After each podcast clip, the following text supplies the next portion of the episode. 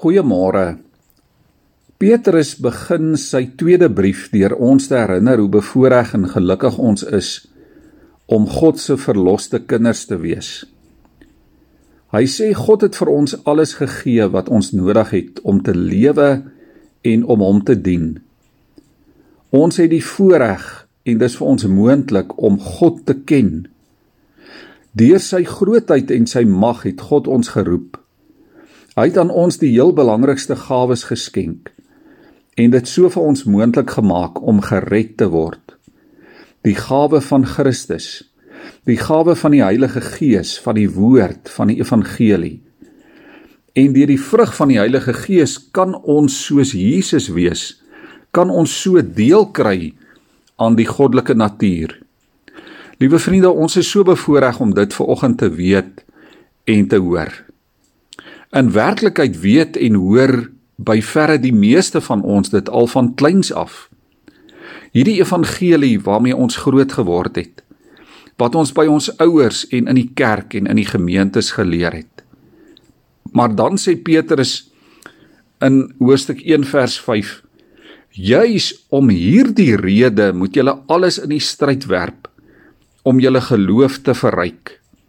Jy en ek moet alles doen wat ons kan om te groei, om ryker en sterker te word in ons geloofslewe. Ek wonder of ons dit nog doen.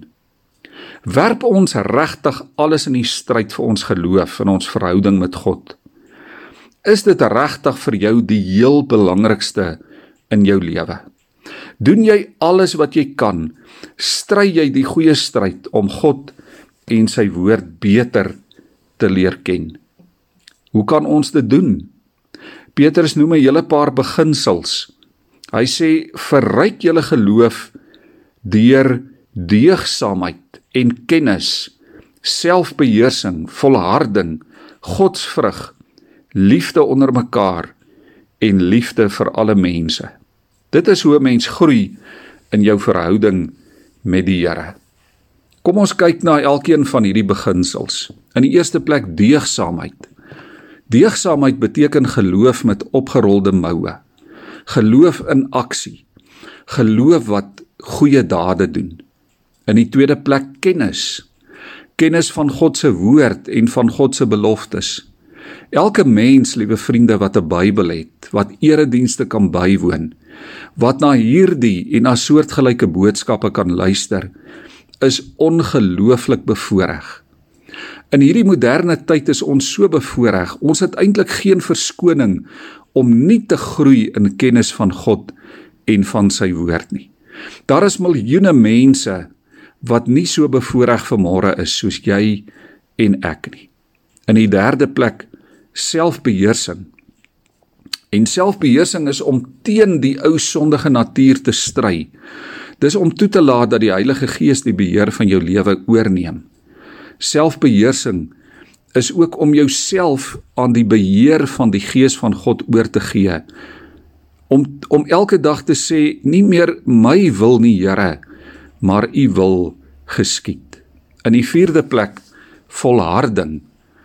En dis net die Heilige Gees wat jou kan laat volhard, kan laat volhou en moed hou en aanhou op die geloofspad.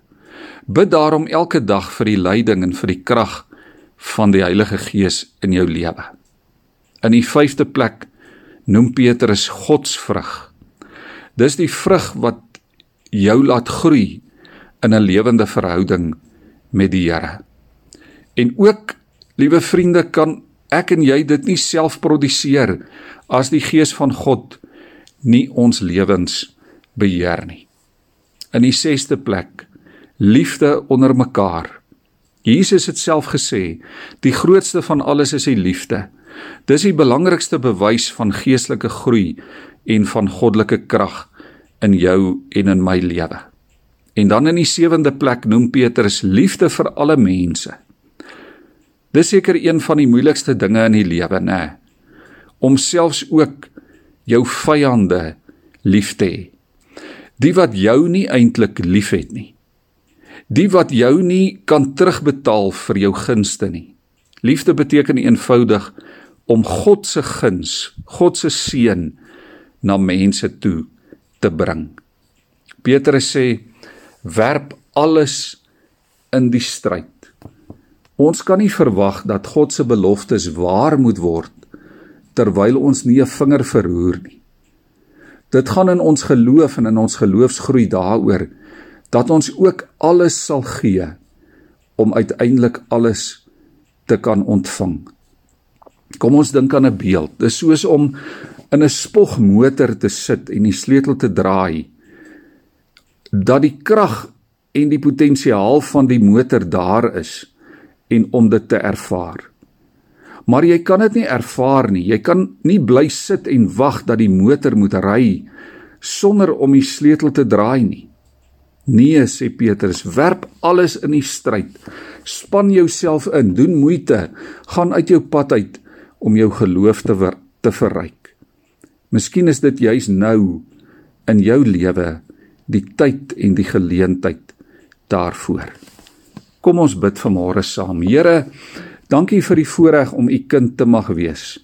Dankie vir u woord, vir al u onveranderlike en ewige beloftes. Here gee dat ons alles in die stryd sal werp, dat ons elke geleentheid sal aangryp om in geloof te groei, om nader aan U te lewe.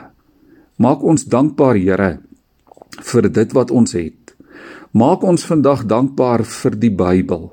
Maak ons dankbaar vir tegnologie, vir die kerk, vir gemeentes, vir medegelowiges vir geloofsvriende wat saam die pad kan stap in gehoorsaamheid aan U. Laat ons die goeie stryd met volharding stry. Amen.